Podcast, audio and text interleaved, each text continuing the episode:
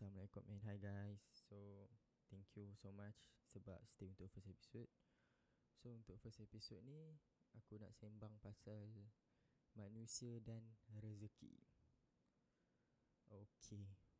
Why aku letak Tajuk hari ni Manusia dan rezeki? Sebab Pandangan aku Aku Dan kefahaman aku Is manusia itu tak dapat menjadi manusia Seseorang manusia itu tak dapat menjadi manusia tanpa ada rezeki. Betul? Dia tak boleh hidup kalau dia tak ada duit Kalau dia tak ada kesihatan yang baik Kalau dia tak ada kawan-kawan yang baik ah, Dia tak boleh jadi manusia tanpa ada rezeki. Dan rezeki itu juga Ada nilai rezeki itu kerana manusia yang memberi nilai kepada rezeki itu.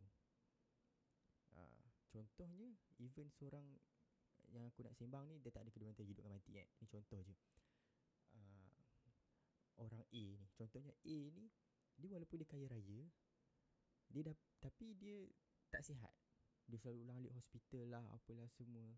Jadi dekat situ dia mengejar kesihatan. Dia mengajar mengejar rezeki kesihatan. Walaupun dia sedang mendapat rezeki daripada daripada rezeki daripada bentuk duit. Jadi nilai dia memandang rezeki itu dia memandang dia memberi nilai kepada rezeki itu hanyalah pada kesihatan yang baik. Tapi dia dah dapat rezeki yang duit ni dia tak nampak. Ataupun dia nampak lah Just aku nak cerita kat sini yang rezeki itu diberi ni, yang manusia memberi nilai kepada rezeki itu.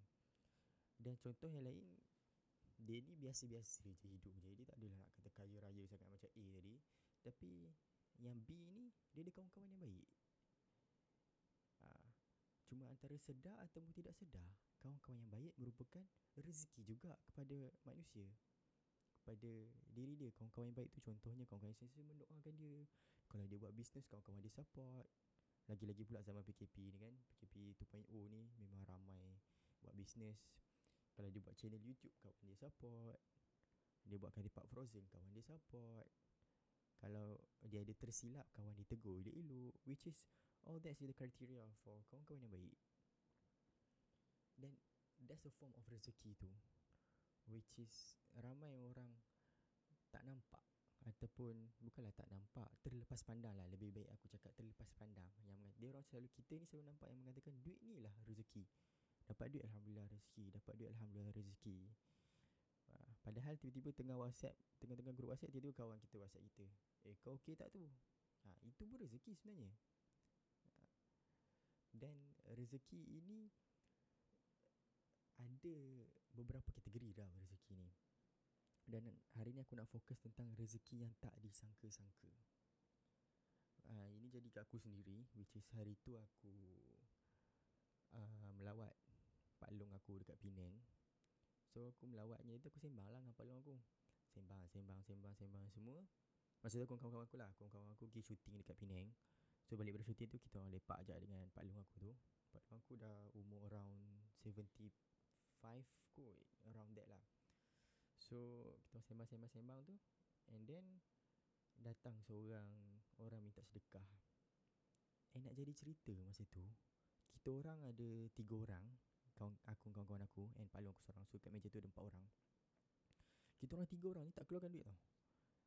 And then Pak Long aku Dia keluarkan singgit dia bagi singgit. And aku ternampak dekat wallet dia dia, dia, dia tak banyak.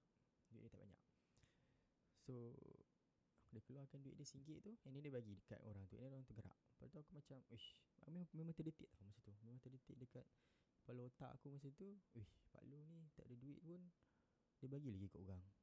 Ah ha, macam tu tau. Tapi tak adalah aku cakap betul aku cakap uh, depan-depan aku just ada thoughts tu je lah kan. Tak apalah. Kemudian Tengah-tengah sembang tu Aku tangkap gambar Pak Long aku. Aku hantar dekat makcik aku Yang dekat Saya Hantar lah kat dia Aku cakap uh, Cik Ni Imam lawat Pak Long ni. Dia kata macam tu. Dia kata Oh Ya ke? Pak Long macam mana sihat lah Sembang dengan cik Dengan through whatsapp lah. Lepas tu Saya macam Oh sihat je Alhamdulillah lah semua. And then Tiba-tiba Acik saya tu kata Acik aku tu cakap Eh Iman Bak nombor account Acik nak bagi duit sikit kat Pak Long. Tu aku macam okay lah. And then Habis semua tu dia cerita-cerita tu Dia kata lah Acik dah baik 100 Nanti Imam bagi dekat kat Pak Long And then Lepas tu Aku pun keluar withdraw duit Aku pun bagi Eh tak tak masa tu aku tak ada duit. Aku pinjam duit member aku Aku tak ada cash. So aku ambil duit member aku Aku bagi dekat Pak long aku lah. And then bila balik tu Aku terfikir Ini One of Rezeki yang tak disangka-sangka tau. Sebab bermodalkan seringgit And then Pak long aku nampak Dia dapat balik seratus. Which is masa Pak long aku keluarkan seringgit tu Dia tak Fikir pun Ah sekejap lagi aku dapat seratus. Dia tak pun. Dia memang keluarkan seringgit Tapi nak jadikan cerita tu lah. There's a story tau. Nak jadikan story kat situ. Ha, Nak bagi nampak plot lah Semua benda tu lah. Itulah contoh rezeki, rezeki yang tidak disangka-sangka. Dia keluarkan seringgit And then dia dapat balik seratus. Ha, Tapi bukanlah aku nak kata kat sini Every time Korang keluarkan seringgit Korang akan dapat seratus. Tak adalah. Aku just nak share story ni Sebab aku rasa story ni Memang Menarik tau Depan dia menjadi depan mata aku sendiri. And Pernah kau jadi kat aku sendiri? Macam aku Aku ada buat Repair-repair laptop tau. So that one day tu Aku repair laptop dapat lah lebih sikit Part time kan? Dapat lebih sikit And then aku bagi sikit dekat my mom. Masa bagi tu pun tak adalah banyak sangat. Aku bagi macam Half of the uh, Yang aku dapat tu Profit yang aku dapat tu Half tu aku bagi dekat mak aku. Bila aku bagi dekat mak aku tu Aku macam terfikir hmm, Tak apalah bagi je lah And then aku lepak keluar dengan kawan. Tiba-tiba aku dapat call Ada orang nak hantar laptop. Which is Laptop yang dihantar tu memang akan untung banyak. Ha, Itu antara contoh yang rezeki tak disangka-sangka. Ha, Dia macam what you give eh, What you give, what you get back. Ha, Lebih kurang tu lah. Aku tak pandai sangat speaking ni. Ha, Tapi dia macam tu lah. So Macam yang aku kata awal-awal tadi tu Manusia dah rezeki. Manusia itu dia tak boleh hidup tanpa ada rezeki tak kisahlah rezeki tu rezeki ni ada banyak-banyak form. Macam aku bagi contoh tadi kesihatan duit uh, kawan-kawan yang baik uh, knowledge even dia dia ada dia ada kesempatan ruang untuk belajar itu pun rezeki untuk dia. Everything. Everything around is actually rezeki tau. Kau nampak? Tuhan baik kita tu semua rezeki. Either kita bersyukur ataupun tidak. Ataupun kita nampak ataupun tidak kita sedar ataupun tidak jadi manusia itu memang memerlukan rezeki. Dan rezeki itu juga dia dinilai, di, diberi nilai oleh manusia itu sendiri. Macam aku contoh yang aku bagi contoh awal-awal tadi, aku contoh kesihatan walaupun dia ni kaya tapi dia tak apa sihat. So dia memandang kesihatan yang baik itu adalah rezeki kepada dia dan dia mengharapkan dia mendapat kesihatan yang baik.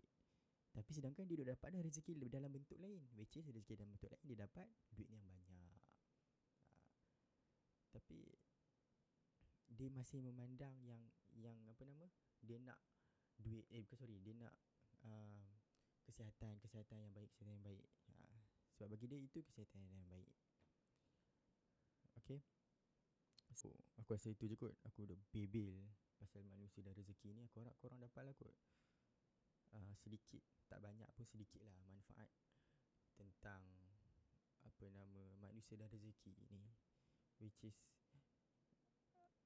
Aku nak cakap kadang Semua benda yang selain kita adalah rezeki. Kita bangun Bangun Tak jatuh katil pun rezeki tu bayang. Kalau kita bangun jatuh katil Kaki kita seliuh Nak jadi cerita ni semua ni nak jadi cerita je. Jatuh tu seliuh Dah nak bekerja susah bagi ni. Dah nak jalan semua susah-susah. Tapi kita bangun Alhamdulillah semua selamat. Kita tidur pun Tak masuk nyamuk dalam telinga. Semut tak masuk dalam hidung. Itu semua Alhamdulillah. Itu So sebelum tutup Habis podcast ni Aku nak uh, Pesan ingatkan kat diri aku sendiri Dan korang juga Supaya Kita sebagai manusia Bersyukurlah Dengan rezeki yang kita dapat.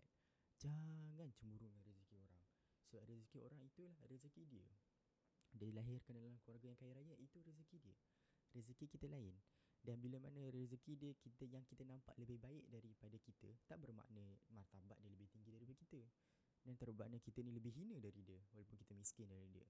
Ha, Jangan Bagi aku nak cerita ni Jangan sempitkan otak korang.